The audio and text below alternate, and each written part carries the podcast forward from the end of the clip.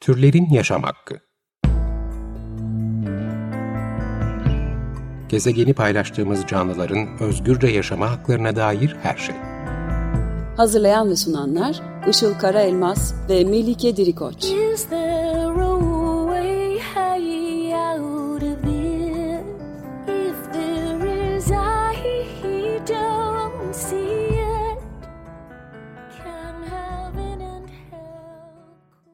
Merhabalar, 95.0 Açık Radyo'da Türlerin Yaşam Hakkı programı başladı. Ben Melike Dirikoç. Bugünkü program destekçimiz Murat Küçük'e teşekkür ederiz. Bugün müzik ve politik söylem arasındaki bağlantıdan hardcore müzik tarzı bağlamında bahsedeceğiz. Konuğumuz Emergency Broadcast grubunun kurucusu ve aynı zamanda da davulcusu Yiğit Ünal Yıldırım. Yiğit hoş geldin.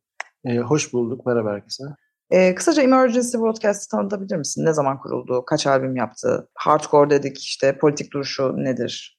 Emergency Broadcast grubu e, 2012 yılı sonu 2013 yılı başı gibi aslında kuruldu diyebiliriz. E, grup bu, o günden bugüne kadar 4 albüm, 2 de single yayınladık. Yani grubun ilk kurulduğu günden beri zaten grubu kurmamdaki amaç da grubun politik olmasıydı. Ama grubun vegan ve straight e, düşüncelerine hakim olması 2017 yılından beridir. Şimdi veganlığı tabii e, biliyoruz ama straight edge sanırım birçok insan için biraz daha yeni bir kavram. E, ne olduğundan biraz bahsedebilir misin? E, straight edge kavramı 1980 yılında Minor Threat isimli grubun e, vokalinin Ian McCain'in straight ayık olmak ve to have an edge e, yani avantaj sahibi olmanın e, ayık olmanın avantajı olarak çevirebiliriz.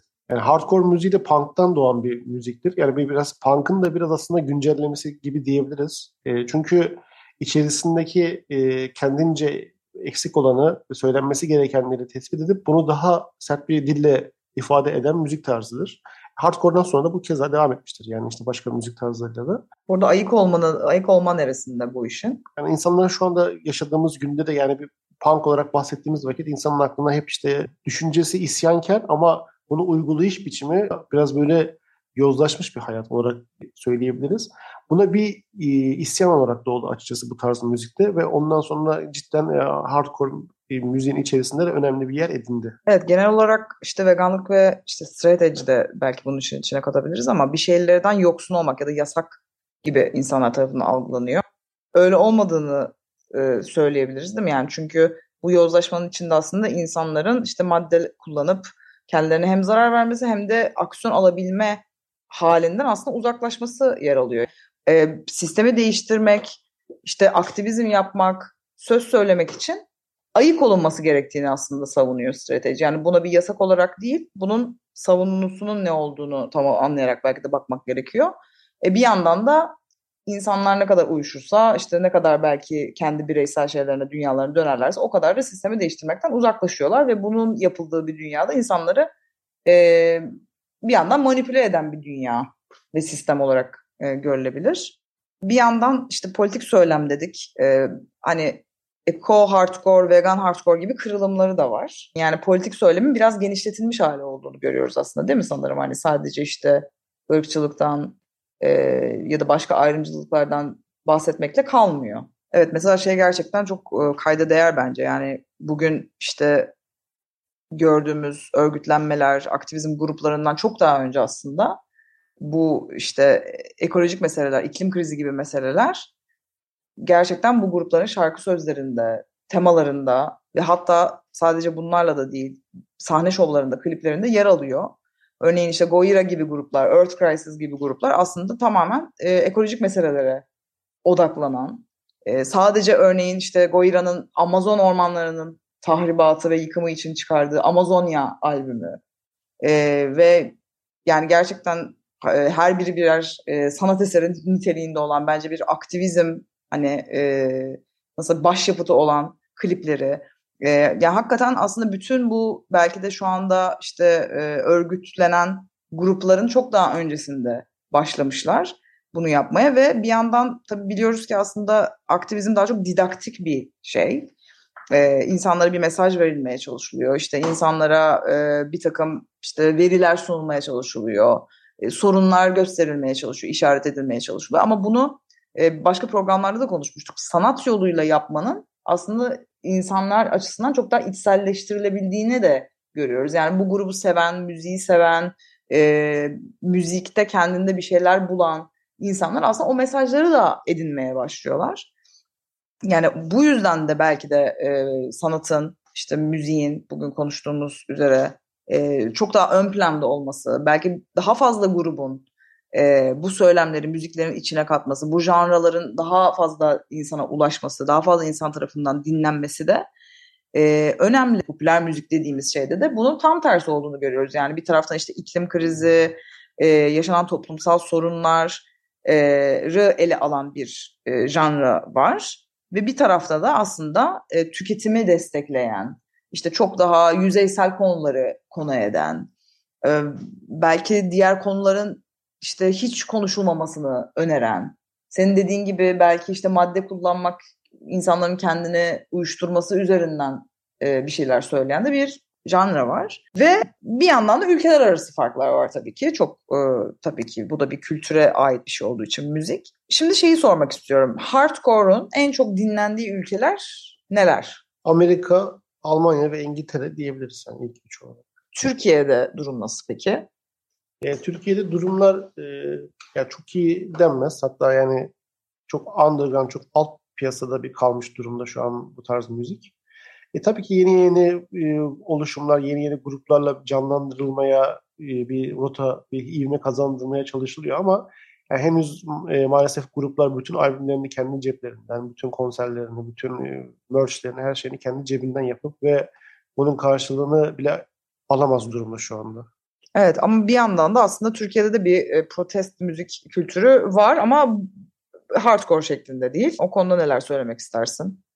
Yani Türkiye'de tabii ki bir isyan müziği var yani e, her her coğrafyada olduğu gibi ama Türkiye'deki isyan müziği hani çok daha geleneksel enstrümanlarla hani böyle bağdaşlaştırılmış bir halde.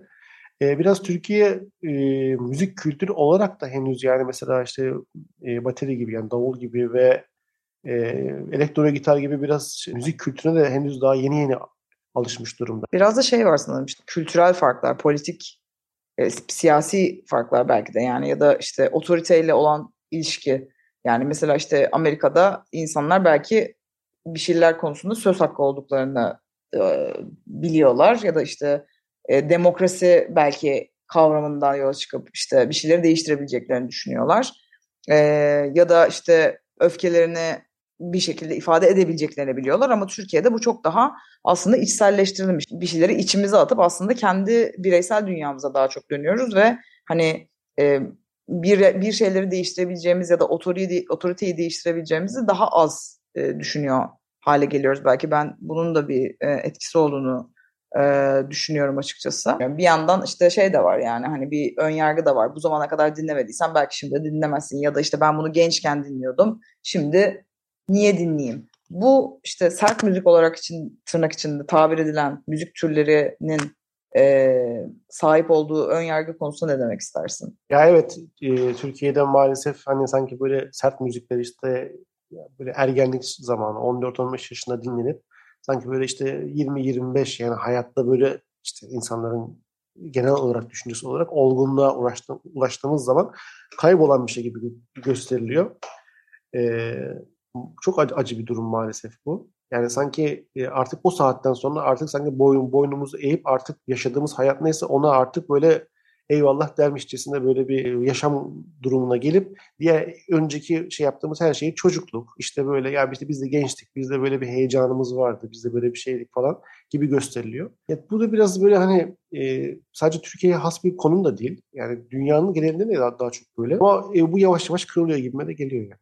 Evet ben e, bunu açıkçası gözlemliyorum. Yani insanlar artık e, öfkelerini anlatabilecekleri müzikler de arıyorlar. E, işte geçtiğimiz günlerde hatta e, bir avukat arkadaşımız var aynı zamanda da aktivist.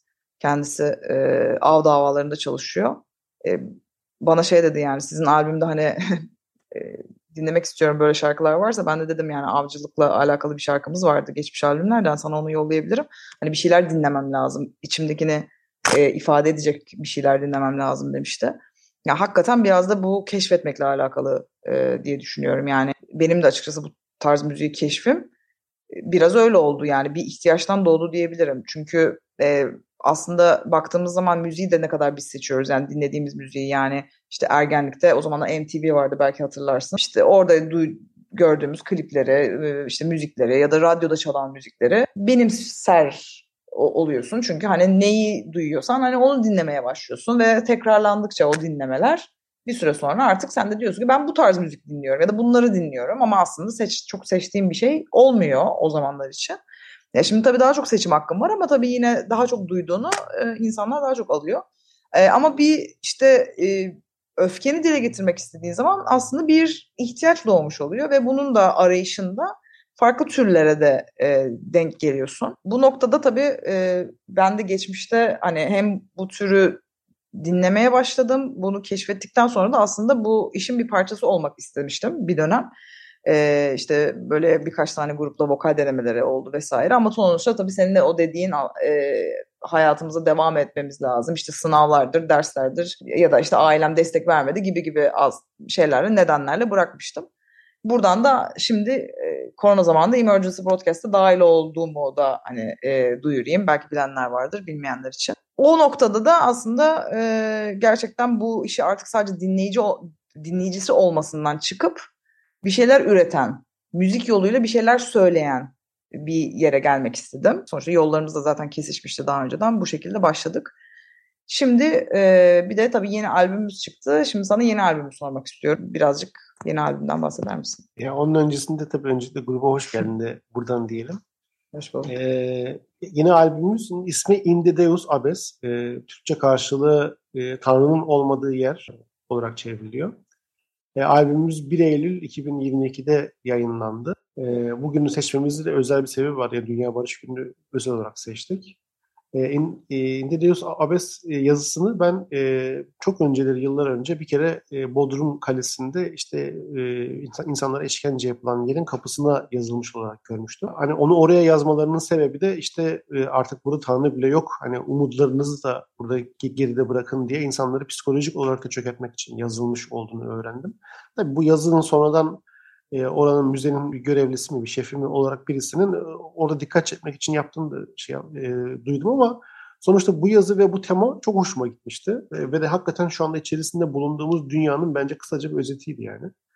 E, hani her ne kadar umutlarımızı e, var etmeye çalışsak da ne kadar kötü bir konumda olduğumuzu e, bence hissetmemiz için güzel bir sözdü. Bence etkileyici bir sözdü ve bunu yeni albüm teması olarak seçtik. E, ve diğer şarkıları da bu temada hani buna uygun olarak e, yazmaya ve söylemeye özen gösterdik. Evet bu noktada da e, benim de gerçekten sen söyledikten sonra yani çok hoşuma gitmişti. Çünkü bir yandan aslında Tanrı'nın olmadığı yer derken yani evet umutlarımız kayboluyor ama birazdan da kaybolan şey artık bizi kurtaracak olan birisi yok. O biziz aslında yı söylemesiydi.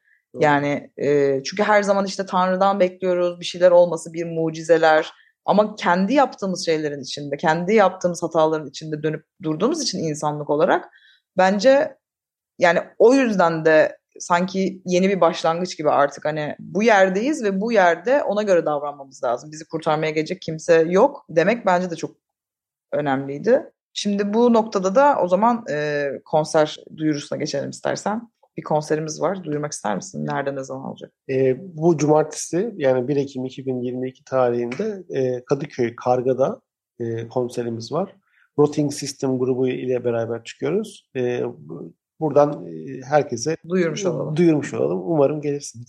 evet bir yandan da şey tabii e, ondan bahsedemedik ama yani konserler de çok enteresan aslında. Seyirciyle gerçekten çok interaktif bir şeyi var yani çok farklı geçiyor. Hani e, deneyimlemek için bile bence e, sizi davet edebiliriz. Tekrar duyuralım. 1 Ekim 2022 Cumartesi günü saat 9'da kapı açılışı var. Tabii açılır açılmaz konserler başlamıyor ama 9'da kapı açılıyor. E, konserimiz olacak. Bekliyoruz. Evet ben de hemen son bir şey söyleyeyim. Yani yaptığımız müzik tarzıyla e, ya o sadece bizim sahnemiz olmuyor. Bizim konserlerimizde e, yani aynı zamanda sizin de sesiniz, e, aynı zamanda sizin de isyanınız, aynı zamanda sizin de öfkeniz orada şey oluyor. Yani gelin hep beraber bu öfkeyi, bu isyana haykıralım diyorum.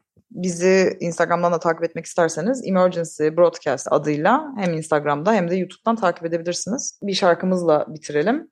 Emergency Broadcast'tan Bloody Books dinleyeceksiniz. Dinlediğiniz için teşekkür ederiz. Bize e-mail yoluyla da ulaşmak isterseniz e-mailimiz turlerinyasamakki.gmail.com Haftaya görüşmek üzere. Hoşçakalın.